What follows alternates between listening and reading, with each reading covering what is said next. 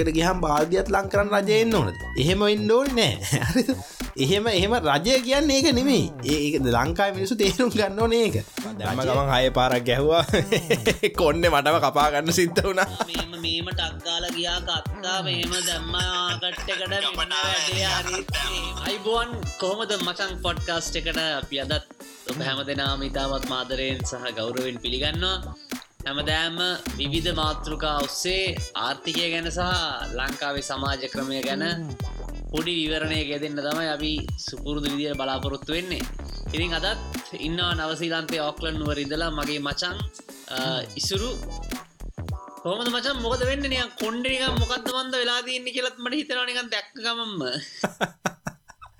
හොද වචා හොඳින් එන්න ඉතින් ආපු පවා මොකක්දේර කියනට පුදපු ගමන් කාපියක දැම්ම ගමන් හය පාරක් ගැහවා. කොන්න මටම කපාගන්න සිද්ධ වුණා. ඒක තමයි ඇත්ත කතාව. ආර්ථිකයටත් මේක වැදගත්වෙන වහිතන මේකට අදාල කල අපිට කතාරන්න පුළුවන්. තමම්ම තමන් කොන්්ඩ කපාගත්තොත් අවුත්සෝස් නොකර නැත්තං ඉම්පෝර්ට් නොකර එකනොම එකක් ගෙනිය ගෙනියන්නේ කොහොමද? මොකද වෙන්න කියලා කතාර පුළ මේ ඇත්තට මුණේ නම් කොන්්ඩෙට ලං දැන් සති හයක් විතර තිස්සේ අපි ලොක්ඩව් එක ඉන්නේ ඉතින් සලූන්ස් වැඩ කරන්නේ නෑ. ඉතින් මට හිතුරයි දැන් ගොඩක් කොන්්ඩෙත් ඇවිලා හරි මමාරු ඒක නිසා මේ ගෙදර තිබ මෙසින් එක මම මගේ කොන්්ඩ කපාගත්ත ඕක තමයි වෙච්ච අකර තැබේ කොන්්ඩෙට කොන්්ඩ කැපීමෙන් සයම් පෝෂිත වෙන්න ගිල්ලා පොඩ්ඩක් වැඩේ චාටර කරගෙන වගේ ටිකක් හවුලක් නෑ වැැවෙන නිසා ටික දවසක් කෝම ඉන්න පුළුවන්. කල්ල ලයිටියම ආබර්ගාවට ගිල්ල සොයම් පෝචිත පාව නැති කරගෙන යන්තන් මට මූුණ දෙන්න පුළුවන් දමාජට ඔවුන්ට එක නිසා ගේ ඇතුළට පල ඉන්නිද ලක ප්‍රශ්නයක් නෑ. අද අපි කතා කරන්න කියලා වැැලුවේ මතම් මේ ඔහෙන මන්දන්න ලොක්ඩවුන් වෙලා මොනා දෙහෙන මේ ප්‍රශ්නවලට වඩා ඉතින් ලොක්ඩවුන් ඔහෙන මහිතන දාසයක් දාහතත්තමයි රෝගීන් වාර්තා වෙන්නේ. මේ නම් ඊට වැඩි නමුත් අපේ ලොක්ඩවුන් එක විවර කරාය කියන අරියා අද අපි කතා කරන්න බලාපොරොත්තු වෙන්නේ හාල් ගැන. හාල් මාෆියාව. කන්න බත් තියනවාද? මහා දෙදස් පන්සියක ප්‍රෞඩ ඉතිහාසයක සහල් ගොබියට මොකද වුණේ කියල තමයි අපි අත කතා කරන්න බලාපොරොත්තු වෙන්නේ. මෙහේ මචන් මාර එන්න යුද්ධයක් මෙහේ ඩඩ් අපේ සහල්වල මුල් මිල පාලනය කරාමත් එෙන යුද්ධයක්. එතකොට ගිල්ලා අර ගබඩාවලට ගිහිල්ලා හාල් එලියට අරගෙන එන ප්‍රශ්නයක් මං දැක්ක ෆෙස්බුක් එකෙත් අර සෑහෙන්න මේ එහෙම කියන්න හොඳත් නෑ. මේ අර බොහෝ දෙනෙක් පරණ කලින් තිබ පෝස්ට ඇදල අරගෙන තිබුණාර කාලෙකට කලින් අර ප්‍රකාශයක් කල්ල තිබ මං හිතන්නේ. අපි හාල් තියෙන තැන් දන්නවා. අපි ගබඩාවල කොච්චර දන්න අපි දන්න අපි ඕන වෙලාක ලෑස්ති. දැන් මොකද ඇයි එහෙම දැන්ව කිව්ව විදිර කරගන්න බැරි කියලා ඒවගේ මීට පස්සේ හාල් ගැන මිල පාලනයක් දාලා මේක මෙච්චර තමයි නාඩු කිලෝ එක මෙච්චරයි සම්බ කිලෝ එක මෙච්චරයි කියලා දැම්මට පස්සේ මිල පාලනය අයින් කරගන්න අයි රජ අයිකරගත් මත මිල පාලනය අයිකරගත්වකට අපිත් මේ කොමද මචන් එකත් කතා කල තියෙන මිල පාලනය කියන එක කරන්න පුළුවන් දෙයක් නෙවෙයි කියලා. එක මහිතන තහවුරුණ අපි කියපේක තහවරුණ අපි කියපය ගන්න වේ එක නිකන් ලෝක තියෙන විද්‍යාවක්. මිල පාලනය කරන්න බෑ කියන එක. ඇත්තයි අපේ ලම් බාස්කට්කට දාගන්න ඔන්නෑ මේ මෝකයක් අපි දුන්නේ කියලා. අපේ ප්‍රාඥෝ කියලා එක ලෝක තියෙන විද්‍යාව. ගුරුත්තය වගේ තමයි ති ගුරුත්තය තිබුණ කියලා. ඒක අපිට දාගන්න හොඳ නෑනේ මේ ගුරුත්තයගෙන අපි දන්නවා කියද ගුරුත්තය අපි හොයාගත්තා වගේ එකක්. ඇත ගුරුත්ත අපි හගත්තර ගුරුත්ත අපි තම ඇති කරන්න වගේ කියලෙ ගත්දාන්න හොඳ නෑනේ. නිසා ඉති මිල පාලනය හරිගිය නෑ අලිගිය නැතිවුණට අනිත් පැත්තෙන් මේ මහිතන මිනිස්සුන්ට කාලම ඉන්න බැරි හාල් නැති වුණත් කාලා ඉන්න බැරි හාල් මෝල් හිමිව ඇවිල්ල කිව්වා දැන් මිල මෙන්න මේක තමයි කියලා උන් ඇවිල්ල මිල තීරණය කර. මේකනම් මහිතන්න කාටත් කාලා ඉන්න බෑ මිනිස්සුන්ට කාලා ඉන්නත් බෑ දේශපාලක්ඥොන්ට කාලා ඉන්නත් බෑ. ඕට අපේ හාල් එක මේක තවුරු කරන්න කියලා? ඒක තමයි ඉතින් අපි අද කතා කරන්න ඉතු ඒගන මිල වැඩිවුනටත් වඩා දුක හාල් මෝල් හිමියෝ මේ මිල තීරණය කර හරි. මිල වැඩිවුණටත් වඩා මේක කෝමත කරන ගීර කරන්න බෑ කියලා ප්‍රශ්නය ඇත්ත නෑ ඒක තමයි මේ මම හිතන්නේ මේ ඔව මං ගැන කතාවට පොඩි ආරම්භයක් ගන්න මහිතන දනා ලියපු මං මං කාලෙට කලින් ලියපු මේ ආටිකල්ලෙකුත් මන් දැක්ක රීෂය කල තියෙන මයි කියව මං එක දාපු කාලෙත් කියව්වා. ඩිස්ක්‍රපෂණ එක දාන්න අපි එකව් ඊළඟට මම හිතනවා මේ මේ නවසීලන්තය පැත්තෙන් ඒක නවසිල්ලන්තෙත් කෘෂිකාර ඔය දැන් කොච්චර කිව්වත් දැ මෙහි ආදියුණු ආර්ථිතක ඇත්තියෙනවා සෑහෙන දේවල් කිව්වට සෑහෙන ලොකු ආර්ථිකය කොටසක් ගන්නවා මේ කෘෂිකාර්මය. කෘෂිකර්මය කියල කියන්නේ මම කියන මේ සත්ත පාලනය සත්ත ගොයි පොලවල් කිරී මස් ඒවත් ඇතුළුව. ඒගැන මෙහේ සෑහෙන දේවල් වවනත් එක්ක. මේගොල්ලො කොහොමද මේවා කරන්න කියලා මම කියන්නම්. මේ මහිතන දනා තම අද වැඩිපුර කතාගන්නක දනා මේ සබ්ජෙට් එකන සෑහන ස්ටඩි කල තියෙන නිසා නම මෙහි පොඩි දෙයක් ඇඩ් කරෝතින් කැනව දැන් අපිතම මේ කිරි කිරිගොය ක්‍රිවිගොවියෝ ගැන මෙහෙ ඉන්න. මෙහේ කොහොමද මෙච්චර එෆිෂන්ට වෙන්න? දැන් උදාහරණයක් විදිර මෙහෙ දැන් සාමාන්‍යයෙන් මනුස්සයගේ පඩිය ඒගැන අවම මේ රජයේ නියමිත අවම පඩියත් පෑට ඩොලර් විස්සයි. පැයක් වැඩකර තනිවාරෙන් ඩොලර් විසක් ගෙවන්න ඕන. ඊළඟට මෙහේ සල්ල රුපියල් කියද්ද මසන් රුපියල් සාමන එකසි හතලියක් කර ඩොර එක. තොට එදා සාරසී එදා සාරසය දෙදා සටසියක් වගෙන පැයකට පෑකට දෙදා සටසිය තර පෑ අටක් වැඩ කර අහන්න මොත් දන්නවා එතකොට තම ලංකා මිනිස්සුන නවසීලන්තේ අන්න හිතෙන්නේ. අම්මෝ පෑට දෙදා සටසියක් ගෙවන අවම දා සටසියක් ගෙවන පෑටක් කඩ කරගත්තන දාදායි කෙලින්ම ලක්ෂ තුනක් අතරක් ඔයාගන්න පුළුවන් කියලා ඔයාගන්න පුළුවන් කියන තරම්ම සරල නැහැ මොකද ටක්ස් ගන්න ඒ වගේම. සියට දාහතක් අවම වශයෙන් බින්දුවෙන්දල පටන් ගන්න සියට දාහතක් කෙලිම පඩියෙන් කපනවා. පඩිය වැඩිවෙන් වැඩිවෙන්න එක සියට තිස්තුන තිස් නමය දක්වා යනවා ඉතිං එහෙම ඉල්ලට සියට පහලක් ජස්ට තියෙනවා. ඇතන ටෙක්නිකලි බැලුවහම සාමාන්‍ය වියදන් කරම සියට හතලිස් පහක් නමයක් වගේම රජයට ආපහු ගිහිල ටැක්සස් විදියට. ඒක වෙනම කතා කරන්න ඕන. නෑ ඉතින් මම කිව්වේ දැන් ඒගොල්ලෝ මේ කිරි ගොවි තැනින් මෙච්චර ඉස්සරහටාවේ කොහොමද? දැන් වෙන රටවල් තියනවා කිරි කිරි මේ කැන අපනායනය කරන දැන් එනට දැන් මෙහි අපනයනය කරට ලෝකෙ ලොකුම කිරි නිශ්වාදකය ඉන්දියාව. හැබ ඉන්දියාව මේ හදල ඉන්දයාම කන්සියුම් කරනවා. මේ ඉතිං දැ මෙහෙ එහෙම එෆිෂන්ට වෙන්න හේතුවත් තමයි මෙහෙ කිසිම සබ්සිඩිය එකක් දෙන්න කිරි ගොවියොන්ට රජයෙන් සත පහක දෙයක් දෙන්නේ නෑ ඒකන් දැ ලංකාවේ දැන් වී ගොවිය කළ හිතන්නකෝ. නිකං වතුර ටික දෙනවා. සමහර වෙලාට ඉඩමත් නිකන් දෙනවා. ඊළඟට පෝරත් නිකන් දෙනවා. එහෙම දීලා සාමානය ලේබ කොස්ට එකත් අඩුයි. එහෙම තිබිලත් මේ සෑහෙන්න අපේ දැන් මේ හාල් ප්‍රශ්න දිගින් දිගටම දිගින් දිගන ඕක කාලාන්තර තිසේ මොන රජයාවත් හැමදාම තින ප්‍රශ්නය කාලෙකට කාල්ටික වීටිකරගෙන ගපඩා ගන්නවාර එයාපෝට්ටල හරිද? ඔය වගේ ලෝක නැති මේකින් ද මෙහෙ හෙම කිසිම ප්‍රශ්නයක් නෑ එකම තියෙන ඇංක කියන කම්පනික මංහිතන්න සමූපකාර විදිකට යන්නේ. ගැන හැම ගොවියොන්ටමයි ඒ කම්පනික අයිති. එහෙම ඇරෙන්න්න කිසිම සබ්සිටියකක් දෙන්න ඩොලර් විස්සක අවම පඩියක් ගෙවාගෙන. මේ යන්ත්‍ර සූත්‍රත් ඔක්කොම කරගෙන හරිද? මේගොල්ලු මේක කොහොමද මේක මැජික්කයක් වගේ නේද? එකන හිතල බැලුවතින් අපිට කිරි කිරි දැන් ලංකාවේ අපිට හදාගන්නත් බෑ. අපිට බෝනටික මේගොල්ල හදල එක්ස්පෝට් කරලා ලංකාවටත් කියලා ඔයකාන්ට දෙනවා කියන්න ලොකු දෙයන්නේද ඩොල විස්සක්න දැන් හිතන්න කිරි පිටි ග්‍රෑම් හාරසිය රුපිය හාරසියට අපි ගන්න. හරසියක් නැත පන්සියක් මන්දන්න හරිම ගන්න. මෙහ පෑකට මිනිහෙක් එහෙට මෙහට ගියත් දෙදස් දෙදා සටසියක් ගෙවන්නවා ඒ මිනිහ නිකන් හිටියත් දෙදහටසියක් ගවන ඒ මිනිහ ගොයිපල හෙට මෙට විදත් පෑට දෙදහටසියක් ගවන්න ති එහෙම ගෙවලා කොහොමද මෙතෙන් එන්නේ එක තමයි ලොකම මහිතන්නේ පාඩමක් නවසීලන්තයෙන් ගන්නවන මම ඒක පිළිබඳ ආටිකල් එකක් දාන්න මේක ඇත්තර මෙහෙම ආවෙත්. ඔය මේ කාලාන්තරයට කලින් මේගොල්ලො කලි මේ මුලින්ම පටන්ගරන් තියෙන ඔක්කොම එංගලන්තයට යවන්න. ඒගැන මහබිතානයට එංගලන්තනේ මහබිතානයට තමයි මේගොලගේ ලොකුම කස්ටම ඉදල තියෙන්නේ. හැබැයිගොල ටැරිස් මේකැනේ ටැරිස් නැතුව අරගෙන තියෙන්නේ. පස්සෙ කාලෙක අයින් කරහ මේ ගොලන්ගේ විශාල අවධානමත් විලා තියෙන මුළු එකනොමියකම බිඳ වැටෙන්න. හේතුව මොක දැන් කලින් මේක සබ්සිටීස්වලට පුරුදු වෙලා ඉඳලා ඒක අයින් කරහම පස්සේ පාර මේ මේකොළු කරලා තියෙනෙ ගවන්මන්ට් එකැන දෙප දෙපාර්ශව මෙහෙ තියෙන මේ ලොක්ු කැන බහු ගැන පක්ෂ ගොඩත් තිබෙනවනට අර ලංකාය වගේ පක්ෂ ලොකු පක්ෂ දෙකයි තියෙන ලොකු පක්ෂ දෙකම ඇග්‍රී වෙලා තියෙනවා.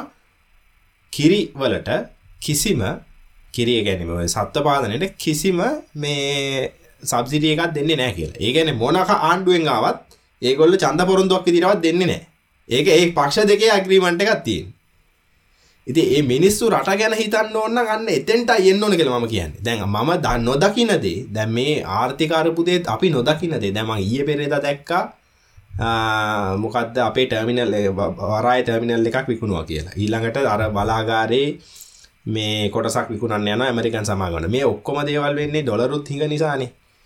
නමුත් මේවා පැලස්තර විතරයි. ඇත්ත තුවාලේ ඇත්ත ඇත්ත ප්‍රශ්නයට උත්තර දෙන්න නැහැ. අපේ අපේ ආර්ථිකය තියෙන අඩුපාඩුවට උත්තර දෙන්නේ නැහැ. දැන් මේගොල්ලෝ කරලා තියෙන්නේ අර වගේ සබ්සිඩිස් දෙන එක අයින් කරලා මේගොල්ලන්ගේ ෆාමින් ඉෆිෂන්ට්ලා දැන් ඒගොල්ලෝ කලින් කිව්වේ ෆාමර්ස්ලා ගොඩාක් ඉඳලා තියෙනවා ඒගොල්ලෝ සබ්සිඩිස් දෙන කාලේ.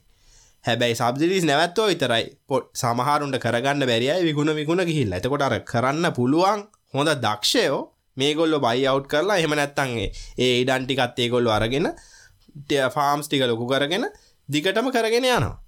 ඉති ඒක තමයි අපි එතෙන්ට තමයි එන්න ඕන කියලා මට හිතෙන අපිට මේ නවසිල්ලන්තෙන් ගන්න පුළුවන්න ලොකුම පාඩ මේක. මහිතන්නේ දනා ඉතරටික කියගෙන යන්නවන ලංකායි පැත්තෙන් මොකද තියෙන ප්‍රශ්න? එක වතුරවල ප්‍රශ්න තියෙනවා ලේබ ප්‍රශ්න තියෙන ඔයගේ ඉඩංවල ප්‍රශ්න තියෙනවා. මහිතන දනා ඉතුරු කතන්දරය කිවන අපිට මේ මේ දෙක් ගලප ගන්න පුළුවන් කියලා මට හිතෙන් මේ වන ඉන්ට්‍රස්ටිං කතා මේ නවසිලන්ත ඒක ගැන මතන වෙනවා අපි කතා කරන්න මන්දක්ක මේ ළඟදි ආටිකල්ලය කුද්දාර දෙන එක්දසමසි අසුහතේ නවසීලන්තෙත් අපි වගේම තමයි හිටියේ. නමුත් අපි වගේම ගැන ලංකාවගේ ෆුල් අප්සට් දෙච්චරම අප්සට් දෙකල මන් දන්න මේ ඉඳලා ඊට පස්සේ තමයි ප්‍රතිසංස්කරන වලින් ඉස්සරහට ආවේ කියලා. මම හිතන්නේ සබ්සිඩිස් නොදෙන එක ඉතා විශාල එකක් වුණා. මටත් මතකයි ඔය ලේබර් පාටි එකත් එක්ක ලොකු මතකයි. කියන්නේ මේ මතක නෑ. මම ඒ කාලේ ඉපදෙන්න කවුන්න ඕ පොඩ්ඩ. මම මේ කියුවට පස්සේ මට මතකයක් තියෙනවා. මේ සාම එකපාරක් ඔය නවසීලන්තේ මේ කොහෙද ගියපු වෙලාවක හිටපු අගමැතිවරෙක් කතාවක් මං ඇහුව කොයිද හරි මං හිතන්නේ. මට මතක නෑ කොයිද කියලා. එතුමත් ඔය ගැන කියලා තිබුණ කොහොමද ප්‍රතිසංස්කරණ කරේ කියලා. විශේෂයෙන්ම කෘෂිකාර්මික ක්ෂේත්‍රේ මේ දැන් ලංකාවේ මං හිතන්නේ ප්‍රශ්නේ හාල් ගැන මේකට හැමෝම හදන්නේ මේ පටාස් විසඳුම් දෙන්න. මට හිතෙන්නේ මේකට පටාස් විසඳුමක් තියෙනවා කියලා. නිකන් මේ ටක් ගාලා ඇවිල්ලා මිල දැම්මා මේම හංගන් ඉන්නවා මේම මේම ටක් ගාලා ගියා කත්තා මෙහෙම දැම්මා කට්ටකට මෙන්න වැඩේ හරිත් එහෙම කියලා. එහෙම කරන්න පුළුවන් එකක් නෙමෙයි මට පේන විදිහට මන් දන්නේ එහෙම පුළුවන් ද කියලා. එහෙම මට හිතෙනවා තාම මම හරි කියලා. මම හරි කියලා හිතා ගන්න කතාවක් නෙමෙයි මේ නමුත් දැන් අරික් විදිහට try කරානේ එහෙම හරියන්න පුළුවන් නම් මම හිතන්නේ මේ වෙද්දි හරියන්න ඕනේ. මම හිතන්නේ ඉසුරු මචං අර වාර එකපාරක් කිව්වර බේසික් ඉකොනොමික්ස් පොතේත් අර මයිතන්නේ මේ රුසියාවේ අගමැතිත කොයිද ඇහුව කියලා මාග්‍රත් හැචගෙන් ඉගන්නේ කොහොමද?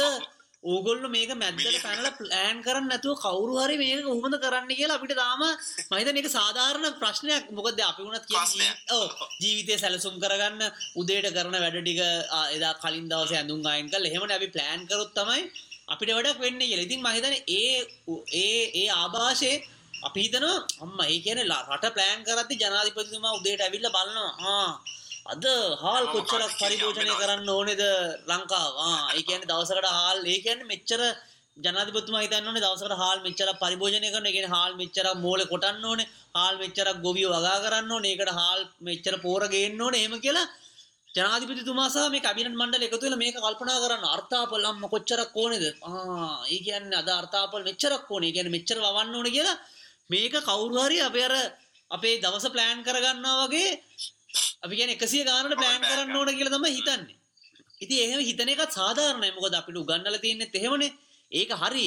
දැහෙමුණනා කියලා ජීවිතය ප්ලෑන් නොකරන්න එපා. නමුත් ලෝක මේ වෙලද පොඩක් ඇතුළ ඒම ප්ලෑන් කරන්න අවශ්‍යදාවයක් නැහැ. කවුරුත් මැද්දර වෙල්ල මොකද මිනිස්සු මිනිස්සු තමන්ට අවශ්‍ය ප්‍රමාණයට මේ ඒක ගැලපෙනවා ඒක තමයි මිල මිලෙන් තමයි ඒක පාලනය වෙන්නේ. ඉතින් ඕක තමයි වෙළඳපොළ ක්‍රමය කියලා කියන්නේ මේ අමුතු මේ පට්නම් තේරෙන මේ හුටස්පරයක් නෑ ඒකේ. සාමාන්‍යයෙන් ඉදිනදා විදියට දැන් ගුරුත්වය අපි කවුරුත් මේ පල්ලෙහා ඉඳලා ප්ලෑන් කරන්නේ නැහැ. ආ අන්න අර රොකට් එකක් යනවා ඊලෝන් මාස් දෙන්න ඕනේ ගුරුත්වය ගානට බැලන්ස් කරන්න ඕනේ. පොඩ්ඩක් එහා මෙහා වුණොත් මාස්ගේ ඊලෝන් මාස්ගේ රොකට් එක වැටේ කියලා ඒ වගේ එකක් නැහැ. ඒ වගේ කවුරුත් ඇවිල්ලා මේක මේ මැද්දට පැනලා ඔබන්න ඕනේ නැහැ. ඕක තමයි මට තියෙන ලොකුම ප්‍රශ්නේ මම හිතන්නේ ඉසුරුගේ ඒකෙන් මට ඒක තමයි ඔළුවට මූලික අදහස දෙවැනි එක තමයි මේ ප්‍රශ්නය විසඳගත් විසඳගත්තට පස්සේ ලියා ගත්තට පස්සේ එකක් තමයි ලංකාවේ මේකේ වෙළඳපොළ ක්‍රමයක් නැහැ. නමුත් මම හිතන්නේ ගොඩක් කට්ටියට අවබෝධ කරගන්න බෑ මේකේ වෙළඳපොළ ක්‍රමයක් නැත්තේ ඇයි කියලා. ඒ නිසා ඒගොල්ලෝ හිතනවා වෙළඳපොළ ක්‍රමයම තමයි මේකේ ප්‍රශ්නේ. මොකද හාල් මෝල් හිමියෝ මේ මෝල් හිමියන්ට මේක වෙළඳ ඒගොල්ලෝ හිතන්නේ වෙළඳපොළ ක්‍රමයට මේක වෙන්න ඉඩ දුන්න කියලා කියන්නේ හාල් මෝල් හිමියෝ මේක ආධිපත්‍ය ගන්නවා කියලා. ඇත්තරම හාල්මෝල්හිමි ආධිපත්‍ය ගන්න වෙළඳපොල ක්‍රමයක් නැති නිසා මුලින්ම මොකද වෙළඳපොල ක්‍රමය තිබ්බන හාල්මෝල් හිමියන්ට ආධිපත්‍යයක් යන්න විදින්න මහිතන ඒකම මුලින්ම පැහදිලි කරන්න කැමති මුලින්ම ඔය මංහිතන මේක ගුටි කල කතාවක් සම්පූර්ණය නමුත් කියන්න ඕනනේ තව හාල් ආනයනය කරන්න දුන්න නම් ඔය මුලින්ම වෙළඳ පොල් හිමියන්ට ඔය ප්‍රශ්න කරන්න වෙන්න මොකද ඒගොල්ල ආනයනය මිනිස්සුන්ගේ අර ලොකුවට මතයක් තියෙන හාල් ආනයනය කල්ලන කන්න නම් හොඳන ඒගැන ලංකායි අදහසත් තියෙන ඇෆ්ගනිස්ථානෙන් පැරදුනත් කමන්න ඉන්දියාවට නම් පරදින්න බෑවගේ කියලා.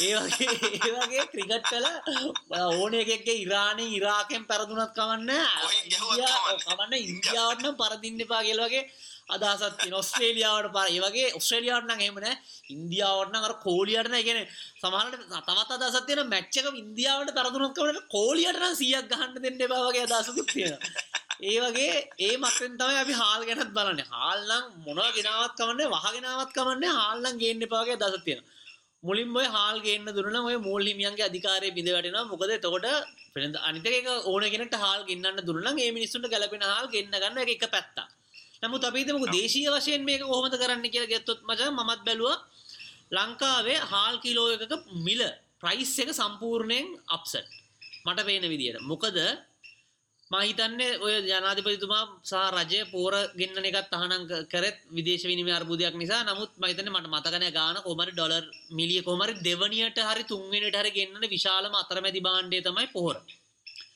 මහිත මතකන ඇමරිකන් ඩොලර් මිලියන මට මතකන තුන්සියක් හරි වගේ ගානක් යනවා. මේ මගේ මතක නිවැරදින පාර පෝරානයනය කරන්න. එතකොට පොහොර දෙන්න සබ්සිටියක් යට දෙනේ එතොට ඒ කොස්ට එක එකතු වෙන්න නැහැ. අපේ වීකිලෝ එකක මිල. මැනිෆක්චරින් කොස්ට වැටෙන්න. ඊට පස්සේ රිසර්ච් වලින් පෙන්නල තියෙනවා වතුර තමයි හාල් කියල වී වගාව කියලා කියන්නේ අර වතුර මේ වෝට ගස්ල එකක්. ගැන වතුර එච්චරට බොනවා. දැන් උදාහරණයක් විදිහට අපි හැමෝම දන්න කුඹුරක් මං හිතන්නේ වගා කරන්න මගේ මතකය නිවැරදින අඟල් මේක ගාලා අඟල් හයක් උසට හය හයක් හරි අටක් හරි උසට වතුර දාන්න එපේ. තොට විශාල වතුර ප්‍රමාණයක් ඕනේ. එතකොට ඒක හැටියට හාල් කිලෝ එකක් හදන්න සාමාන්‍යයෙන් වතුර ලීටර හාල් කිලෝ එකක් හදන්න. වතුර ලීටර දෙදා සාරසියක් ඕන. මුළු ප්‍රමාණය ඒකෙන් එක්දස් දෙසියක් අර ට්‍රන්ස්පිරේෂන එක ඔටෝමටිකලි වාශ්පෙලායි වායගෝලට එකතු වෙනවා. ඒ තව එක්දස් දෙසියක් ඕන මේ ශාකය පෝෂණය කළ කිලෝ එකක් ගන්න. එතකොට අපි වතුර කිලෝ එකක් ඉන්ඩස්ට්‍රියල් රේට් එකට ගත්තොත් ඉන්ඩස්ට්‍රියල් වෝට සාමාන්‍යයෙන් දැන් අපේ කඩෙන් ගන්න වතුර ලීටරයක් නම් ගාන වැඩින සාමාන්‍යෙන් පෙට්‍ර ලීටරය ගානකට ගිට්ටුවෙන්න්න නොන වතුර ලීටරයක්. නමුත් අපි සාමාන්‍ය අපි සත විස්ස ගාන වගේ තිබ්බත් එතකොටත් හාල් කිලෝ එකක මිල මාර වැඩි. ඊට පස්සේ දැ සාමාන්‍ය ඕනම නිස්පා ඕන ප්‍රඩක්ටයකට අපි කියන්න මොනද ලෑන්් ලේබ කැපිටල් ඒ තුනම අපි ගන්නවානේ. එතවට ලෑන්් ලේව කැපිටල් තුනගත්තර පස්සේ අතකොට අපි කැපිටල් එක ගන්නෙත් නෑ ලෑන්් එක ගන්නෙත් නෑ ප්‍රඩක්ෂන් එක ගන්නෙද ලෑන්් ගත්තොත් එහෙම ඔය ඉඩම් ඇවිල්ල ගොඩක් ගොවියන්ට අයිති ඉඩම් නෙවේ ඔය ඇවිල්ලම හැමදෑම කියන රජයට අයිති ඉඩම්. ලංකාවි සියට අසුවත්තියෙන් රජයට අයිති ඉඩම්. ඔය ඉඩමගේ බලපත්‍රයක් අරගෙන තමයි ඔය ගොවිය වගා කරන්න. තොට කවදාවත් ගොවියන්ට ඉඩම අයිතියන තොට මේ ඔවුන්ට අයිති නැති ඉඩමක තමයි මේ වගා කරන්න. ඉතින් එතකොට ඉඩම කොස්්ට අපි හරිට කොස් කරන්නෙත් නෑ. එතකොට ඔය කොස්ට එක දාලා අපි දෙයනේ කියලා හාල් කිලෝ එකක මිල හැදුවොත් නම් අපිට තේරෙනවා මේ හාල් ලංකාව හදන කහාල් ඔව නවසිලන්තය උන්ටවත් කන්න හම්බෙන්න්න මොකද උන්කෑ නවසිලන්තය උඹලගේ උන් කෑවත් උඹලත් පංකොලොත්වෙන අපේ හාල් කෑවොත්තේන හාල් හොඳ නැති නිසා නෙවෙයි කොස්ට වැඩි නිසා. ඒක නිසා ඒක කොහ ඒ කොස්ටිං එක සම්පූර්ණය අප්සට ඉතින් මර සාමාන්‍ය අපේ මිල ක්‍රමය කියනවා වගේ මසන් කොස්ටිං එක මිල අප්සට් ගියා කියලා කියන්නට ටෙම්පරේච එක. කියන්නේ උන බලලා අපි උනකටු මාරු කරාවගේ වැඩක්. එතකොට මේක කෝවිඩ්ද මොලේ අමාරුවත්ද මොකක්ද කියලා ලෙඩේ අහුවෙන්න ඉතින් මිල අප්සට් නිසා සම්පූර්ණයෙන් මේ කාල්වල ප්‍රශ්නය අප්සට් ඉතින් ඒක නිසා ලංකාව මිනිස්සු වැඩිපුරම කන්නෙත් හාල් ලෝක අවරේජ්ජක සාමාන්‍යෙන් ඒක පුද්ගල පරිභෝජනය කිලෝ පනස් සතරයි ලංකාව මිනිස්සු කනවා කිලෝ එකසි අට ඉතින් මේක කිව්වාමත් මිනිස්සු දෙගුණයක් කන මේක කිව්වාමත් කියන්න අපේ මුදුන් මිත්තු කෑවේ හාල් මේ බත් තමයි කෑව කියලා. ඇත්ත. නමුත් ඒකාල ජීවන චර්යාව නෙවෙයි මචන්. දැන්තියෙන ඒ කාල මිනිස්සු අපි කියන ඇඟපත වේසල කරන වැඩ කරේ. තකොට අපේ කැලරි ප්‍රමාණය දහනය වෙනවා. දැන්ඇවිල් එහමන දැන් හැමෝම කරන්න පුටුවක වාටල මේ කම්පියුටරක් ඉස්සර බලංගෙන වැඩ තමයි කරන්න. තේර ඒ වගේ කාබෝ හයිට්‍රේට් දැන් කන්න බෑ. ඉති ඒක නිසා තමයි දැම්ම හිතන හැමෝම ජිම් යනවා මං හිතන්නේ රජයනුත් හැමතැනම ඇවිදින මන්තීරු ඒවට ඒ වගේ එකක් අදහසක් ඇවිල්ල තියෙන මේ ව්‍යායාම කරන්න මහිතන්නේ මොකද අපේ ජීවන රටාව සම්පූර්ණයෙන් වෙනස් වෙලා තියෙනවා. ඒකට අපිට ඒ කලින් තිබ්බ ආහාර රටාව කන්න බෑ. පොඩි කාලේ ළමයට බත් පොඩි කල්ලා සුප් දෙනවා වගේ කන්නේ නෑනේ අවුරුදු 30ක එකෙක්. එතකොට මොකද ජීවන රටාවත් එක්ක ආහාර ක්‍රමය වෙනස් වෙලා නැත්තම් ඌ ආර්තාපල් පොඩි කර කර බබා කන්න බබා ගගා ඒ වගේ කන්න බෑනේ ලොකු උනාම ඒ වගේ තමයි ඉතින් අවුරුදු 200කට 500කට කලින් කාපු කෑම වේල දැන් කන්න විදියක් නැහැ මොකද ජීවන රටා වෙනස් වෙලා. ඉතින් ඒකත් අර මිනිස්සු හාල් කන්න පුරුදු වෙලා තියෙන්නේ මං හිතන්නේ මිල අඩු වෙලා තියෙන නිසා. ඉතින් ඕක තමයි තියෙන එක ප්‍රශ්නයක්. මං ඉතුරු ප්‍රශ්නෙත් කියන්න කලින් ඉසුරුගේ අදහස දැනගන්න කැමති මේ ඕක තමයි මට පේන මූලික ප්‍රශ්නේ. එතකොට අපි අර ආනයන කරන්න දෙන්නේ නැති නිසා හාල්මෝල් හිමියන්ට ඒක අධිකාරයක් දීලා තියෙනවා. අනිත් පැත්තෙන් හාල්මෝල් හිමියෝ ඒක අධිකාරයක් ගන්නවා වගේම අපේ කොස්ටිං එක සම්පූර්ණයෙන් අප්සෙට් මොකද අර ලොකු සබ්සිඩීස් තියෙන මේ මිල කෘතිමව පල්ලයට රඟවිලා තියෙන්නේ. මේකට අපි හරියට කොස් කරා නම් හාල්වල මිල මීට වඩා මං හිතන්නේ කිලෝ එකක් ඔය 100 ගණන් අනේ වැඩි කිව්වට 300කටවත් යයි කියලා තමයි මට නම් හිතෙන්නේ. 200 අනිවාර්යෙන් 200 පයින්නවා 250 300ත් අතර වෙයි කියලා තමයි මගේ නම් අදහස ට්‍රාන්ස්පෝර්ට් ඔක්කොමත් එක්ක දාලා ගත්තට පස්සේ. ඕක තමයි ඉතින් මගේ එක විස්තර කිරීම තව විස්තර කිරීම දෙකක් තියෙනවා. තව කියන්නේ තව ඕකනේ ඕක ඕක හා බැඳිච්ච සෑහෙන දේවල් තියෙනවා මම ළඟදිත් දැක්කා මේ මං හිතන්නේ බන්දුලු කොරදල අමාත්‍යතුමා හරි නැත්තං ඒ අර මොකද පාරිභෝගික කටයුතු සම්බන්ධ අමාත්‍යවරයෙක් කියනවා මේ දැනුත් වෙන්නේ සීයට විසි පහක් වර්ක්ෆෝස් එක වැඩ කරන්නේ මුළු කෘෂිකර්මාන්තය දළජාතික නිෂ්පාදනය දෙන්න සියට හතයි. දැන් බස්නාහිර පලාත මුළු ලංකාවේ දන්න ජාතික නිස්පාදනයෙන් මන් දැක්ක තව කෙනෙක් කියනවා සියට තිස් ගානක් සපයනවා.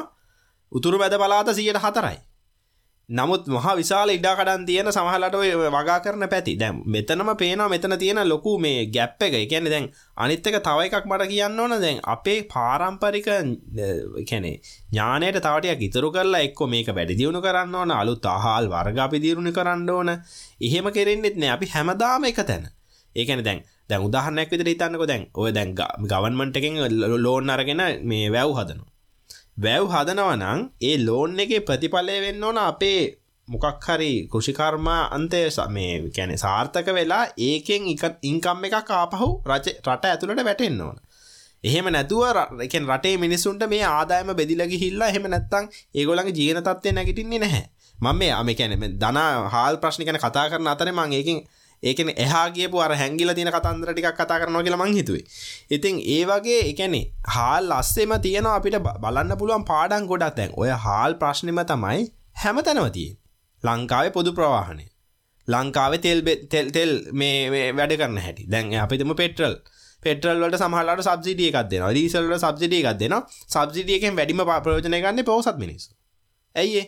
ප්‍රාඩෝ එකේ V8 එක යන මිනිස්සයා ලීට තෙල් ගහන රුපිය පනස් දාහක හරිද බයික් එක යන මනුස්සයා රුපියල් දෙදහක තෙල් ගහන ඇති මාසට. හරිද? අපිත මාරය පනස් දහක් ගනවා කියලා. එයාගේ ප්‍රසන්ටේජක් තිර බදුව එකන එයාට හම්බෙන සබ්සිටියක වැඩි. මොකද එක අඩුමිලට නෙදෙන්නේ. අඩුමිලට දුන්නාම යාට සමහල රුපියල් දහදහ විතර වාසියක් කන්න පුල මාසකට. දහදාක පාලස් දාග ලක්ෂ ගහන රුපියල් සිදහක වාසිය බයික යන මිනිහට එන්නේ බොහොම අතලොස්සක පොඩිවාසිය ගැන අනින් මිනිස්සු ගෙවනවා මේ මේගොල්ලො මේ පාවිච්චි කන්න කර දැන් ඕක මේ මිහින් ලංකායක යා ලංකායකටත් අදාලයි ජීවිතයට යා ලංකායක දැකල ප්ලේන් එකක් දැකලත් නැති මිනිස්සු ජීවිතයට ප්ලේන් එක යන්න ඇති මිනිස්සු පරිප්පු එකෙන් සැමටින් එකෙන් බදු ගෙවනවා එයා ලංකායක වෙන පාඩුවට. හරි ඉති මේවා අසාධාරණ වැඩ. එකැනෙ මම කියන්න මම කියන්නෙත් ඕක හාල් කන්නවන මිනිහට ඕක ෆ්ලෝට් කරලා දෙන්න එක සාමාන්‍ය මාකට ඉකනොමික වැඩ කරන්න. එතකොට හාල්වල ගණන් වැඩි වෙනවනම් ඉබේම අපි බලපත්‍ර නැතුව ඕන කෙනෙකුට අර සීනි කතන්දර අපි කතා කරා වගේ ඉස්සරලා ඕන කෙනෙකුට ගෙන්න්න දෙනවා හාල්. එතකොට වෙන්නේ මිනිස්සු හාල් ගෙන්න්නනවා රටේ මේක අඩුවෙනවා ඊළඟට ඔය මේ සබසිඩිස් දෙන එක නවත්තලා පුළුවන් තරම් මේ එෆිෂන්සි එක වැඩි කරන්න දෙක වී පර්ේෂණ ඇතන තියෙනවා. ඊළඟට ඉළඟට ඔය රජයේ ඉඩම් දෙපාර්තමේන්තුවලින් යම් කිසි ක්‍රමයකට ඉඩම් කැනෙ බෙදල දීලා ඒකැන කැන මොක්හරි එක්ක කියන පුලා ආරි අවුදු පහක් යනකම් ඔගලන්ට මේක වගා කරන්න පුලා ඔගොල මොක්හරි අපිට අවට්පුට්ට පෙන්න්න ඉඩම දෙනවා. අන්න ඒ වගේ මොකක් හරි වැඩ පිළිවෙලා මොකක් හරි දෙයක් වෙන්න ඕන. අනිතක තමයි මේ දනා කියපු තවදේකට පොඩි දෙයක් ඇඩ්කරොත් දැන්ව ඉඩං කතන්දරේ ඇත්තරම ඒක විස ලොකු විනාශයක් කියල මටත් හිතෙන්නේ. දැ මිනිස්සු ඉඩං අයිති නැති නිසා ඒගොල්ල එක ගැන බලාගන්නත් ලොකු උමනාවක් නෑ සමහර වෙලාවට. ඒ ගැන දැන්ව පස නිසරු වෙලා යනවා හරියට මේක ට්‍රීට් කරන්න ඇති වුණා මේවා විනාස වෙලා යනවා. ඒගොල්ලන්ට එක බලාගන්න කිසිම ඉන්සෙන්ටිව එකක් නෑ. සමන්ගීටම නෙමේනි මොකොහොමත් ඕක අපහ රජයට දෙන්නත් ඕන. ඊළඟට ඕකෙන් මොක්කරි වැලි වැඩිෂන් එකක් කරත් මේ අපි හිතම දැන් හරි මොක්කරි වතුර පාරක් හරි හදලා නැත්තම් පා ඉඩමට පාරක් දාලාක ඩිවලප් කරල ගන්න එහෙම උමනාවකුත් නෑ එහෙම වෙන්නෙත් නෑ ඒමක ෝක විකුණන්නත් බෑ බැංකුවට තියන්නත් බෑ. ඇති මේ මිනිසු හැමදාම දුප්පත්කමෙත් ඉන්න ඔය වගේ ප්‍රශ්න විශාල ගාන කෝකට බැඳිලා තියෙනවා. අවසාන වශයෙන් මට කියන් තියෙනෙත් මේ අපේ අපිට සංස්කෘතිකමය වශයෙන් ගැන අපේ අපේ හැටියම තියනවද මඳ අපි නික සංගෘත ආර්ථිකයක් වගේ තමයි අපේ සංගෘත සංස්කෘතිය. ඒකෙන් අපි කැමති නෑ එලියෙන් දැනුම ගන්න. ඒකැන අපිට වඩා හොඳට හාල් වගා කරන රටවල් තියෙනවා. දැන් ගැන ජපානෙත් වගා කරනන් ජපානෙත් අතිශය දියුණු රටක් වුණාට වගා කරනවා. ඒක පොඩි ළමයින්ටත් එකන පොඩි කාලෙදල හාල් ගැන වගා කරන්න කුඹුර වැඩ කරන්න බහින්න කියලා දෙනවා. දැ මෙහෙ ඉන්න එන්න මිනිසුත් එහෙම ඒකැන ගොඩාක් මේ කිරි ගොවි තැනට එහෙම වැඩ කරන මිනිසු ඕන තරන් ඉන්නවා. ඉතින් අපිට ගොවිතැනත් ටිකක් බාල්දු කරලා කියලා හිතෙනවා. ඒක එකත් එක හේතුවක්. අනිත් එක මේ අපින් එලියෙන් එකන තාක්ෂණික සහය එම නැත්තං අපේ කැන මේ කැන ඉකනොමික විවෘත භාවය. ගැන අපි වෙන අයට චලෙන්ජ් කරලා අපේ ප්‍රඩක්් එකේ කොලිටික නංවන් තියන කම්මැලිකම සෑහෙන වැඩි කියලත් මට හිතෙනවා. දැ ඒ ඒ වගේ තමයි අපේ ආගමන විකමන්න සන්න ගැනේ වෙන මිනිස්සු රට එන්නෙත් නෑන. අපි ඇත්තරම කාලාන්තර ඇතිස්සේ අපේ රටේ බැලුවතින් අනුපාතය ගොඩක් කලට අපි අපි කට්ටිය විතර අපි කාට අතෙලියෙන් එන්න දෙන්න ඉඩම් ගන්න දෙන්න ආයෝජනයක් කරන්න දෙන්න තාක්ෂණය ඉගෙන ගන්නේ නෑ. ඉතින් අපි එකම තැන පල්ලෙවි එකම තැන රෝල් වෙවි එක මාර අවුරුදු දෙදස් පන්සියට කලින් කරපු නිකං වැව් හදලා නිකං වතුර දීලා ඒ ඒ සාමාන්‍ය දෙදස් පන්සියට කලින් කිවතේ මහිතන මිලියනයක් විතරති ලංකායි මුළු ජන ගහනේ දැම් මිලියන විසි දෙක ඒ ඒ කෙරවා එකැන විසි දෙගුණකින් ජන මේ මේක වැඩි වෙලා. මේ මේ ඒ ඒ කාලි කරපුයව දැන් කරන්න බෑ. ඒ ඒක නිසා මේ එක්කෝ මේකට පැහැදිලි විසිදුමක් තාක්ෂණක විසිදුමක් එන්න ඕන. ඉතින් මම අවාසනාවට වගේ නොදකින්නෙත් ඒක.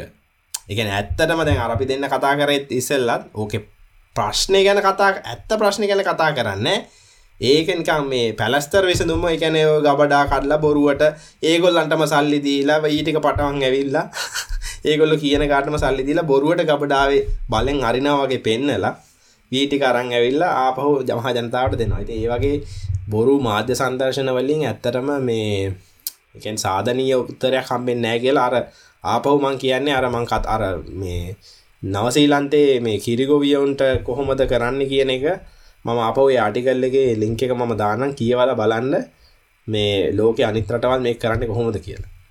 ඒක තම මට කියන් තින්දන ඕම ජයක ඉතා හොඳ පැහැදිලි කිරීමක්.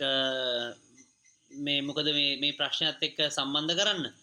මං ඒකට එකතු කරන්න කැමති අර ඉසුරු කියපු ඉඩම් ප්‍රශ්නය මොකදවා කියප හරි සමාන මිනිස්සුන්ට තේරෙන් ඇත්තේ දැන් ඉඩම අයිතියයි දෙන්න ඕන කියලා. දැන් ඔක්සුත් කිවර ඉඩම තමන්ට අයිතිය නැතුනාම අපි බලාගන්න යන්න දැන් අපි හිල්ල මේ සත්තුවත් ඉස්සරහ තියන පොඩි ඩං කෑල්ල බලාගන්න මට අවශ්‍යතාවයන්න න. මොකද මට අවශ්‍යතාවයන්න නැත්ත මේ එක මගේ ඉඩමන් නොවන නිසා. එක මගේ වුණනම් මං අනිවාරෙන් ඉල්ල බලන්න එතන කඩදාන්න දෙන්න ඒ වගේ එක ඒක තම ප්‍රොපටි රයිස් කියන්නේ. ගැන තාන්ගේ මොනාහරි දේපලක අයිතිය පුද්ගලයෙක්ට හම්මුණට පස්සේ ඔහුඒක ආරක්ෂා කරගන්න ඔහුඒක දියුණු කරගන්න එවිතරන් නෙවෙයි ඒකෙන් ලොකු මුදලක් ආර්ථිකට එකතු කරන්න පුළ මොකද ඉඩම අයිතිය මට තිබුණොත්තේම මට පුළුවන් ඒක කැපිටලයිස් කරන්න. ඒගන්නේ ඒක මම ගිල බැංකෝට තියල මංඒක නයක් ගන්න අරගෙන මට තාක්ෂණය දාන්න පුල ඒ වගේ දැන් ඔය ගොවී ගොඩක් ගොවියන් අපි කිවට ගොවියන් හැමදාම කියනවන මන්දක්කාර ජනාතිපත්තුමත් කියීල්ල ගමසමක පිසඳරකගේ හලතිම ඇතුළ එතුමගේ ප්‍රශ්න සාධාරණය. දැන් අවුරුදු ගානත් තිස්සේ ඔගොලොන්ට මේවා දෙනවා. මට පෙන්න්න කාරගයන එක ගොවියෙක් කියල එතුම හල තිබ ඉතින් සාධාරණය කවුරුත් ගොවිය කාරගයන්න මොකද ගොවියට කිසිම වත්කමක් නෑ වත්කමක් කියන්නේ ඉඩම්බල අයිතිය ගොවියට නෑ එතකොට ඉඩම අයිතිය ගොවියට තිබ්බනම් ඔය ඉඩම උගසර තියලා හරි මේක ඉඩම බැංකුවට තියලා කෝලටරල්ලයක් විදියට ඒකෙන් පුළුවන් එයාට යන්ත්‍ර සූත්‍ර ඔය මොනහරි දෙයක් ගන්න. දැන් එක හේතුවක් තමයි කාටවත් නොතේරුණාට අපි හැමදාම අපි පොඩි කාලේ අවුරුදු 20කට 30කට කලින් කුඹුර දකින්න ගියත් තාමත් ගොවි මහත්තුරු ඒ පොඩි කාලේ විදියටම තමයි වගා කරන්නේ. අර මෙහෙම මල්ලක් අරන් ගිහිල්ලා වීහිනවා. අර සාමාන්‍ය මෙහෙම ගහන මැසීමෙන්ම තෙල් ගහනවා. අවුරුදු 20කට කලිනුත් ගහන්නේ එහෙමයි අද ගහන්නේ දැන් එහෙම වෙන්න බෑනේ. දැන් ලෝකෙ දියුණු වෙද්දි මොනවා හරි එකක් වෙනසක් වෙන්න බෑ. ඒ වෙනස වෙන්නේ නැත්තේ අර ගොවියන්ට තාක්ෂණය ගන්න තියන්න ඇසට් එකක් නෑ. දැන් සාමාන්‍ය මධ්‍යම පාන්තිකයන්ට යම් ප්‍රමාණයක ඇසට් එකක් තියෙන්න පුළුවන්. දැන් ගොඩක් මිනිස්සු බිස්නස් කරන්නත් එමනේ පොඩි බිස්නස් කරන කට්ටිය හරි. වාහනයක් තියෙනවා වාහනේ උගසට තියලා තව ලෝන් එකක් අරන් ඒකෙන් තව මොනවා හරි කරනවා. එතකොට තමයි මේක තාක්ෂණය අරන් කාර්යක්ෂම වෙලා පොඩ පොඩ ඉස්සරහට ගිහිල්ලා අර වැඩිපුර එන මුදලින් තමයි ලෝන් එක ගෙවන්නේ ගයක් හදන කටියත් ඒගොලොත් එහෙම රැකියාව යම්කිසි ඉන්ක්‍රිමෙන්ට් එකක් හම්බුණා මේ කියන්නේ වැඩි ආදායමක් එනවා. ඒකෙන් තමයි ගයක් හරි මොනවා හරි හදන්නේ. අපි ඒක වෙනම කතා කරානේ. ඒක කරන එක කොච්චර හොඳද නරකද කියලා. නමුත් ගොවියන්ට එහෙම කරගන්න විදියක් නැහැ ඇසෙට් එකක් නැහැ. මොකද ඉඩමේ අයිතිය ඒගොල්ලොන්ට නෙවෙයි තියෙන්නේ. දැන් ඉඩමේ අයිතිය ගොවියන්ට දුන්නා නම් ගොවි මහත්තුරු ඔප්පු අරන් ගිහලා බැංකුවට තියලා එක්ක ඕක විකුණනවා. විකුණුවාට පස්සේ කරන්න පුළුවන් මිනිහෙක් ඔය වැඩේ කරනවා. එහෙම නැත්තම් ගොවි මහත්තුරුන්ටම ඔය හරිතාගාරවල ඔය අපි කියන අලුත් වතුර අඩුවෙන් යන කෘෂිකාර්මික ක්‍රමවල බට දාලා එක එක අපි දන්නේ නමුත් ක්‍රමේ හැදෙනවා අනිවාර්යෙන්ම සල්ලි තිබුණා ඉතින් ඒක තමයි වැදගත්ම දේ. ඉඩම් පැත්තෙන්. අනිත් එක තමයි මචං මං හිතපු දේ මේ කෘෂිකර්මයට දැන් ගොවි අපි කියන්නේ මේ ඕකේ ඩිමාන්ඩ් ඇන්ඩ් සප්ලයි එක තියෙන ගොවි මහත්තුරුන්ට වෙන අනිත් ප්‍රශ්නේ තමයි සාමාන්‍යයෙන් හොඳට අස්වැන්න තියෙන කාලෙක වෙළඳපොලක් තියෙනනේ. අපි කියන්නේ දෙයියනේ කියලා වහින්න නැති මේ දවස්වල මේට හොඳනවා වහිනවා. වහින් නැති හොඳ හොඳ වහින් නැති නෙමෙයි නියම ගානට වහින හොඳට ඉර පායන කාලෙක අස්වැන්න හෙන ගොඩක් ලැබෙනවා. හැබැයි මිලදී ගන්න ඉන්නේ අර මෝල් මහත්තුරු ටික විතරයි. එතකොට මොකද වෙන්නේ? අනිවාර්යෙන් ඉල්ලුම මේ සැපයුම වැඩි. ඉල්ලුම ඉල්ලුම තියෙන්නේ අර බීමෝල් මහත්තුරු තමයි ගන්න. එතකොට අනිවාර්යෙන් මිල ඩෝංගාල පල්ලයන් ඉතින් ඒගොල්ලෝ කියනවා අපිට වී කිලෝ එකක් ගන්න බෑ. ඔච්චර ගන්න රුපියල් 16ට 14 තමයි වී කිලෝ එකක් ගන්න ඒ වගේ කියනවා. සමහර කන්නේනවා වැහැලා හරි නියඟෙට හරි අස්වැන්න හොඳටම අඩුයි එතකොට වී වල මිල වැඩි වෙනවා හොඳට. හැබැයි වී වල මිල වැඩි වුණාට කොන්ටිටිය ගඩු ඉන්නේ පොඩ්ඩයි. එතකොට ඒත් ගොවියට වී මිල වැඩි වුණාට ලැබෙන්නේ සොච්චම් මුදල. එතකොට අස්වැන්න වැඩිපුර ගත්තත් හම්බෙන්නේ එකම මුදල. අස්සන්න අඩුවෙන් ගත්තත් හම්බෙන්නේ එකම මුදල. එතකොට ගොවියට කිසිම ඉන්සෙන්ටිව් එකක් නැහැ වැඩිපුර වී හදන්න.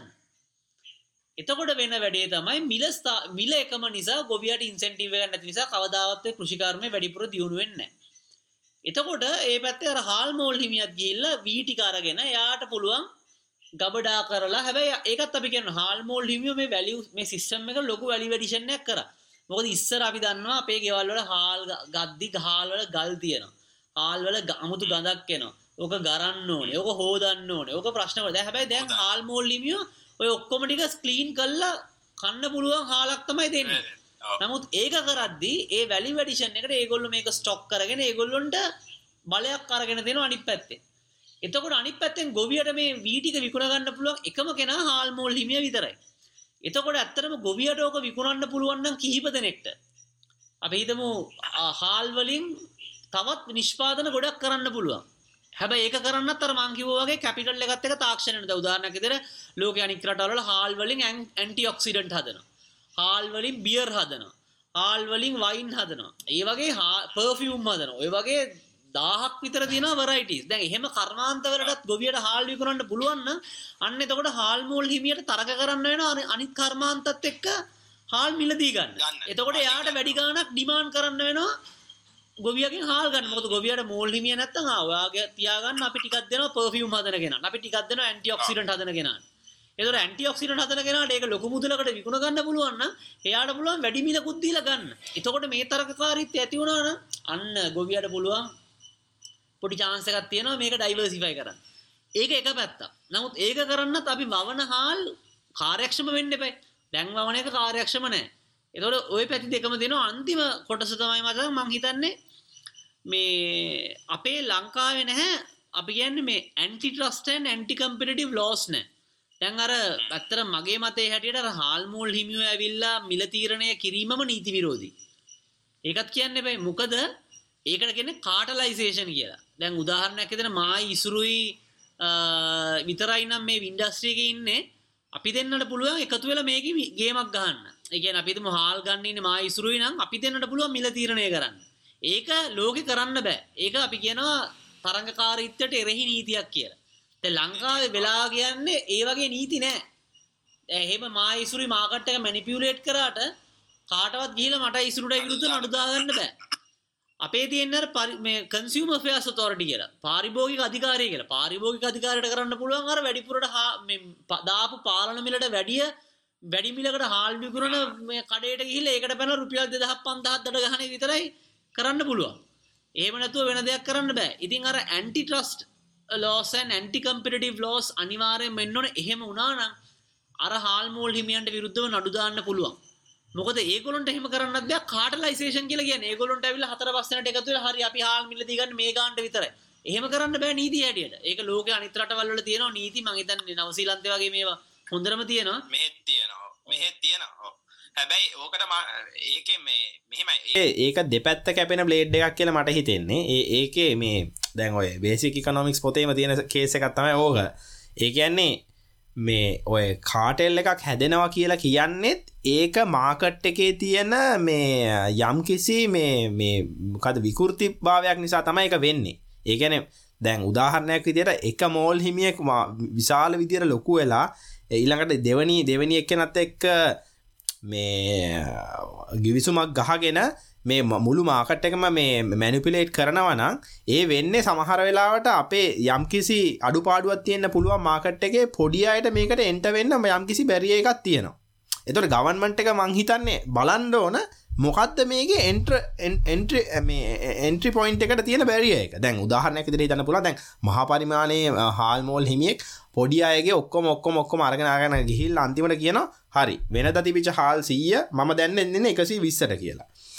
හැබැයි ඕක පුළුවන්න්න තව කීප දෙනෙකුට එන්ට වෙලා හා මෝහිමිය තා පොඩි පරිමාණයෙන් එන්ට වෙන ආයගොල කියන හරිනෑ අපිට එකසේ විස්සක් ඕන අප එකසිේ දහයට දෙන්න පුළුව ඕක තමයි මාකට් එක ඇත්තටම වෙන්න ඕන දේ. දැන් ඇත්තට මමත් පිළිගන්න එදා කෙලින්ම මාධ්‍යට ඇවිල්ලා එකසිය පහලවයි හාල් කියලා මුළු රටේම හාල්වල එකසි ගාන එකසිය පහලවයි කියන්න තරම් හාල්මෝල් හිමියකුට මේ වෙච්ච එක ටිකක් ඒක හොඳ තැනක් නෙමේ ගැන ඇත්තම දැන් අපි අපි අපි ඇත්තරම චැම්පියන් කරන අපි කියන්නෙත් මේ ඒගැන මාකට්ටික නොමික හදන්න කියලන්නේ නමුත් මේකත් මාකට්ටික නොමිය එකක් නෙමේ මේකත් විකෘතිය ඒ ඒ ඒකත් කියන්න ඕන. එකැන වෙලා තියෙන දැන් එක්කෙනෙක් එක්කෙනෙක් පාලන බලය අතට අරගෙන තියෙනවා.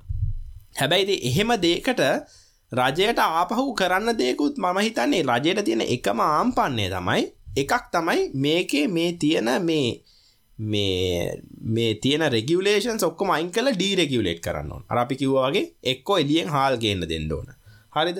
ඊළඟට මම තව එකක් එක නෑ. නිකන් රජයෙන් හාල් ස්ටොක් එකක් මේන්ටේන් කරලා මේක සතු සහරහා බෙදාහදින එකට ඒකත් මම එක නෑම පහුගේ දවසල ලොකු ආන්දෝලනය තිබ සතුසේ විශාල විදියේ මේ මේ වංචායනවා ඒ කියන දැන් එකම ස්ටොක් එක වෙන කෙනෙකුට විකුණලා පහු අරගෙන වැඩිමිලකට විකුණලා ඔය වගේ ප්‍රශ්න ගොඩාක් තියෙන මම කියන්නේ සිල්ලර වෙන දාම කරන රජයක් ඕනි නෑ ඒක මහා විහිලු සහගත වැඩක්.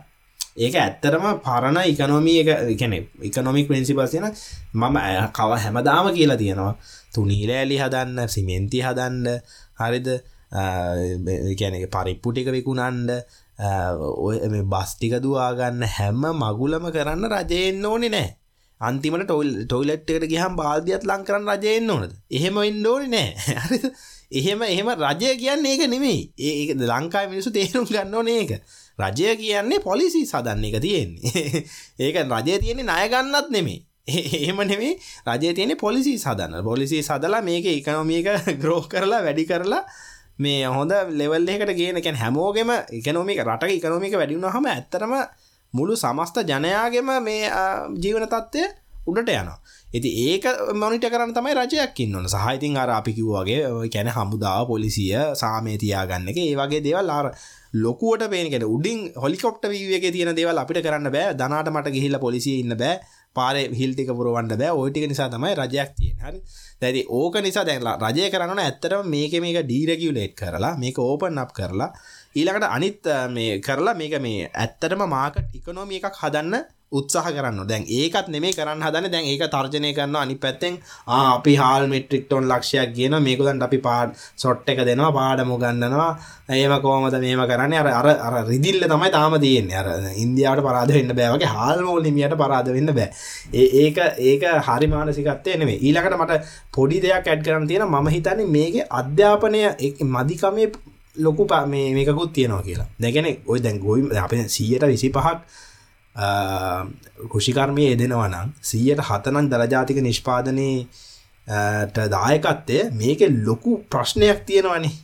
එක්කො මේකේ නූගත්කම. ඒගැන දැන් අඩුගානේ හම්බ කරගත්ත ටික මේ ගොල්ල දන්නේ හරියට කොහොම වියදන් කරන්න. දැන් කොහොද බැංකෝ කවන්් එකක් මේන්ටේන් කරන්න කොහොම මැංකුවක් එක දිගටම ගණු දෙනු කරන්න කර කෑශ් ලෝ එකත් පුළුවන් නයට නයට ගන්න සමහරලාට දැන් සමහර බැංකු මහත් ගොයි මහත්තුරු බැංකුවත් එක කිසිම ගණු දෙනුවක් කරන්න කෙලිම සල්ලිටික මිටි අරන් ඇවිල මේ ගෙදරදානවා ඒටික වියදන් කරයින් පස්සේ ඉවරයි. ඊට පස්සේ අය ආපදාක් කියලාට බැංකුවෙන් උදව්වක් ගන්නවත් බෑ. ඒ වගේ ප්‍රශ්නත් තියෙනවා. ඉතින් බැංකුවත් එක ගණු දෙනු කරන්නේ කොහොමද? ඊළඟට මේ ඊළඟට දැන්ඔය මේ කැන වී ගබඩා කරන්න ඉගැන කතන්දර තියෙනවා. ඊළඟට දැන් වෙන වෙන බෝගවලට යන්න කොහොමද? දැන් වීවල විතරමද වගා කරන්න පුළුවන්. ඊළඟට වගා කරන්න පුළුවන්වල මේ වීවල වර්ගේ වෙනස් වෙන්න කොහොමද? දැන් හැබ ඒකන ඉතින් ඔය වී පර්ේෂණ අයතන අරේමහ වගේ මේ සම්බන්ධනත රජයට කරන්න පුළුවන් දෙවල් ඔන්න ඕ කියල මට හිතෙන් ඉගෙන අර පල්ලෙ හා ලෙවල් එක අධ්‍යාපනය ඊළඟට දැම්මේ ඉගැන මේක වැඩිදිවුණු කරනවන මේ තියෙන් තත්ත්යෙන් ගොඩ ගන්න පාලන මිලක් දැම්ම පලියට මේවා ඔක්කොම හරියනවා කියල හිතෙනවනම් ඒක මිත්‍යාවක් කියල තමයි මට හිතෙන් ඉතින් ඒක තමයි මට කියනදී අනිවාරෙන් මචන් වාර කියද්දේ රජය හැමකම කරන්න ඔන්න ඉටවස රජයයි බුලත්තිර විකුණන්න. ඉටවසේ උලත් කන මිනිස්සු කියනේ අපිට පොඩ හපලත් දෙන්න කියල පුළුවන්නම් රජයටම මේ කපාහන්ට අමාරු දත්තේමනෑ හපලත් දෙන්න දැරිත කියලා ඉටවස රජයට. රජයට බුලත් හපාප තම ඉන්නවෙන්න ඔක්කොම කරන්න කිය බුලත් අප නිලධාරී කියලා කට්ටිය ගනි කට්ටිය ගන ඊට පස්සේ. බුලත් හපා දෙන නිලධාරීන් කියලා. මේ ඕක තමයි ඕක තමයි මෙතන හාල් වල තත්ත්වය. ඉතින් ඕක ඇත්තටම මම අර මං ඉසුරුත් එක එකග වෙනවා මේ අර විශේෂම කාටලයිසේෂන් වෙන්නෙත් මාකට් එකේ මොනහරි ඉරගියුලෑරිට එකක් තියෙන නිසා. ඒක ඔහෙ මුණනම් ඔය ප්‍රශ්න වෙන්න ඉතින් ඒක නිසා කවුරුත් සමහරු විතනා මේ මේ ආර්ථික ක්‍රමය කියලා කියන හැමදිස්සෙම ආනයනයට ඉඩ දෙනවා. ආනයනය කරන එකට ඇරෙන්න මුන්ට ආර්ථික ක්‍රමයක් නැහැ කියලා නෑ නෑ. ආනයනය කරන එක නැරෙන්න ආර්ථික ක්‍රමයක් නෑ නෙමෙයි. ආනයනය කරන්න දුන්නාම තමයි අපන ඒක ගාන්ට බැලන්ස් වෙන්නේ. එහෙම වුණා නම් වෙන්න අනිත් තව කට්ටියට ලොකු අදහසක් තියෙනවා මේ වැඩිපුර හාල් හදලා අපිට එක්ස්පෝර්ට් කරන්නත් පුළුවන් කියලා. ඇත්තට මේකත් මං හොයලා බැලුවා.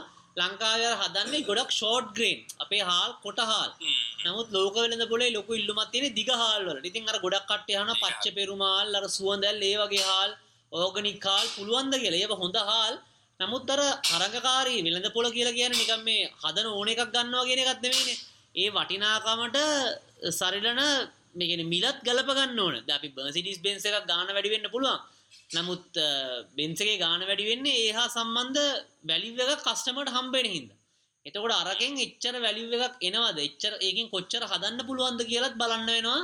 අපනයනය කරන්න එහෙම නැත්තම් අපිට වැඩේ කරගන්න එච්චර ලේසිවෙන්නෑ කියෙන මං හිතන්න යන්න ඒ වගේ තැන්වල තමයි රජයක් එන්න ඕන කියලා. ඒකන දැන් මේක අපිතම දැන් පච්ච පෙරමල් හරි සුවන් දැල් හරි කුරුලුතුට හරි. දැන් ම දැකලා තියෙන මෙහ නවසිලන්තෙත් ගන්න තියෙන ලංකාවෙන් එන හාල් තියෙන අපි අපිත් ලංකාවෙන් මේ ඉම්පෝර්ට් කරන හාල් අපිත් ගන්න ඔයක මේ කැකු රතු කැකුළු වගේ දේවල්. නමුත් මේ දනාකිවපක හරිට හරි ලෝංග්‍රේන් රයිස් එක තමයි ඕන තැනක සාමාන්‍ය ප්‍රසිද්ධ. ගෙන අපි අර ලංකාව කියන්නේ නිකම් බාස්මති කියලා. ඒක තමයි අපි ගන්නෙත්. අනිත්තක ඒක තමයි දැන් මෙහේ රතු කැකුළු එක ගණන් බාස්මතියකට වඩා.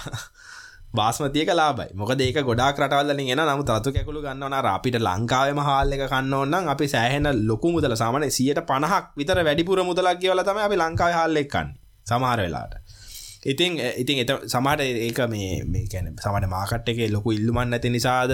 එම නැතන් ඇත්තරම ලංකාව හාල්ද ගණන්ද කියන කියන්න මම දන්නේ නැහැ. නමුත් මම කියන්නේ දැන් රජයක් කරනවන අන්න ඒ වගේ දෙගැන ආරන්ඩ කරලා ඒගැන කරන්න ඕන හරිනම් මේ වගෙන් දැන් මේ කැනෙ හොඳ මිනිස්සු මේක දැන් වී පර්ේෂණ අයතන හරි වෙනත් පර්ේෂණ අයතන හරි කරලා සමහර වෙලාවට එකන වෙන පෞද්ගලිකංශය නොකරන දේවල්. දැන් උදාහරණ කියර ඔය වගේ දේවල්. එකැන මේ ආල්වල ගුණ නොගුණ මේ කරලා පරීක්ෂණය කරලා මේ පබ්ලිෂ් කරන්න පුළුවන්. ඊළඟට මේ වෙන රටවල්ලට අපනයනය කරන්න අවස්ථාවල් හදල දෙන්න පුළුවන්. මාකට එක රිසර්ච් කරන්න පුළුවන්. අන්න ඒවගේ දේවල් කරන්න තමයි රජයක් තියෙන් ඕන කියලා මම හිතන්නේ. එකන සාධන මේකට ගැන් මේ මොක දෙක ගැන මේ කැන දීර්ඝ කාලින වැඩපිරි වෙලක් විදිට එහෙම නැතුව මේ අර දනා කිව්වාගේ මේ හාල් ගබඩාවලට ගිහිල්ලා දොත් දොරට පයින් ගහලා මේ ඒටික මුට්ට ටික කරතියන් ඇවිලා හැබැයි ශේප් එක ඒකොලන්ට ඒ ගානම සල්ලිතිකක් දීලා සීනිත් අරගත්තේවනේ සීනි දීලා ගන්නවා හැබැයි සල්ලිත් දෙනවා. ඉති එතකොට ඉතින් ඒක ඇති වැඩක් නෑ. ගැනේ කැන ඒවාගේ මම කැන මේ රටක් දියුණු වෙන ඒව නෙවෙයි ඉතින් අපි මේ ප්‍රශ්නේ දිගටම තව කරගෙන එහෙම මේ යනවා කියන එක තමයි මේ මට පේන්න තියෙන්නේ. ඉතින් මං හිතන්නේ මචං අද අපි සෑහෙන කතා කරා වගේ මේ ගැන මේ අවසාන වශයෙන් අපි මොනවද කියන්නේ? වචෙන් කියන්න තියන්න අපේ ගෙවල් වලටරන් එන්න එපා හාල් ඉල්ලගෙනසා මේ අපි හොයාගෙන මේව කතා කරා කියලා අපි මේක මේ ආතල්ලකට කරන වැඩක්.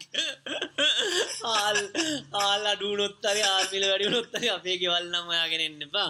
උඹෝ නම් ඔයාගෙන එන්න එත්ත උඹ නව සීලන්තින්න නිසා ඔය පැත්ත ඉන්න කවුරු හරි එකෙක් ආවත්තරෙන්න අපේ ගෙවල් නම් ඔයාගෙන එන්න එපා කියලා අපිට හාල් පිටරටින් ගෙන්න ඒක නිසා තවුලක් නැහැ කොහොමද? නව සීලන්තේ හාල් ලැබෙන්නේ නැහැ ඒක තමයි. ඒ නිසා අපි වනම් හොයාගෙන ඉන්න එපා කියලා තමයි මට අවසාන වශයෙන් කියන්න කියන්න තියෙන්නේ මේ. ඊට වඩා ඉතින් අපි කියන්න අවශ්‍ය මේ මම වර්ධගත්ම දෙයක් අවසානයෙන් කියන දේ ලයික් කරන්න. ලයික් කරලා ෂෙයා කරන්න දාලා කාට හරි පර්සනල් මැසේජ් එකකුත් දාන්න. මේක පට්ට වැඩක් මචං මෙන්න අහලා බලන්න. තව දන්න කට්ටියට ෂෙයා කරන්න කියලා තමයි අවසාන වශයෙන් කියන්න මේ හැබැයි එහෙම ෂෙයා කරත් මේ අර කිව්වා වගේ අපිත් එක තරහා ඇති කරගන්න එපා. මේ යක් මේ මොනවාද මුං හාල් පිටින් ගේන්න කියනවා. මුම්මහල් ගොවියන්ට නිගා කරන වගේ අදසන් නෙවෙයි අපිටත් ඕනේ ගොවි මහත්තුරු උඩට එනවා දකින්න. දී මහත්තුරුන්ට අවශ්‍යතාවය තමයි දෙන්න අවශ්‍ය අවාර අධ්‍යාපනය ගැන කියපගත් හරි මම එකපාරක් ඔය මොකක් හරි සාකච්ඡාවට ගිහලා ගොවි මහත්තයෙක් එක්ක වෙලෙට මම මේ මහත්තයන් ගාව ඉඩම්වල අයිතියෝනද කියලා අම්බෝ මහත්තයෝ අපිට නම් එපා කියලා සමහර මිනිස්සුන් කැමතිත් නැහැ තමන්ට අයිතිය ගන්න. එහෙම ප්‍රශ්නක් තියෙනවා ඇත්තටම. ඒ නිසා හැබැයි මම හිතන්නේ එහෙම කැමති නැත්නම් ඒකට අයිතියක් තියෙනවනේ මම ඒක වෙනුනුත් ඒ කියන්නේ ඒකත් වැදගත්. කවුරු හිතනවා නෑ මට කරගන්න බෑ කියලා ඒක වෙනම කතාවක්. නමුත් මම හිතන්නේ වැඩිපුර මිනිස්සුන්ට ඉඩමේ අයිතිය දුන්නා නම් මේ මොකද කිව්වා ඉසුරු කිව්වා කියලා සමහර මිනිස්සුන් අදහසක් නැහැ ඉඩමක අයිතිය තිබ්බොත් මේකෙන් කොච්චර දේවල් කරගන්න පුළුවන්ද කියලා. මේ දුන්න දෙන්න තමයි බා කියනවා. ඒක නිසා කියන්න දෙන අනිවාර්ය යන්න ලයික් කරන්න සබස්ක්‍රයිබ් කරන්න ෂයා කරන්න. එම කරන්න කරන්න. කරාට පස්සේ දන්න කඩට පර්සනල් මැසෙජ්යකුත් දාලා කියන්න මේක බලන්න කියලා. මේ වගේ පිසෝඩ් අපිත් අමාරුවෙන් කරන්න මේ ඉසුරු නිදිවරාගෙන මේ වෙඩිට් කරන්න. ඒ නිසා කමෙන්ට් එකක් දාන්න කැමති ඒවා කියන්න මාත් උදේ පාන්දර නැගිටගෙන මේව කරන්න. ඒ නිසා අපේ ඔව් ලයික් කරන්න ෂයා කරන්න ට්‍රාව් කරන්න කරලා අපේ කෝමද මජන් පොඩ්කාස්ටිකට සපෝට් එකක් දෙන්න ඉසුරුවගේ කොන්්ඩ අපා ගන්න යන්න පා සයන් පෝෂිත වෙන්න කියන්න ගෙදරින් ගෙට දා කර ගන්න එපා. කියල තමයි මට අවසාන වශයෙන් කියන්න අන්තිමට කියන්න තියෙන්නේ දැන් මේ තනිය මොක්කොම කරගන්න කියල්ල මං වගේ වැඩේ නාගන්න එපා කියලා. හරි අපි කියල්ලෙන්න අපි ලබන සතියාමයමු ජයවා Oh.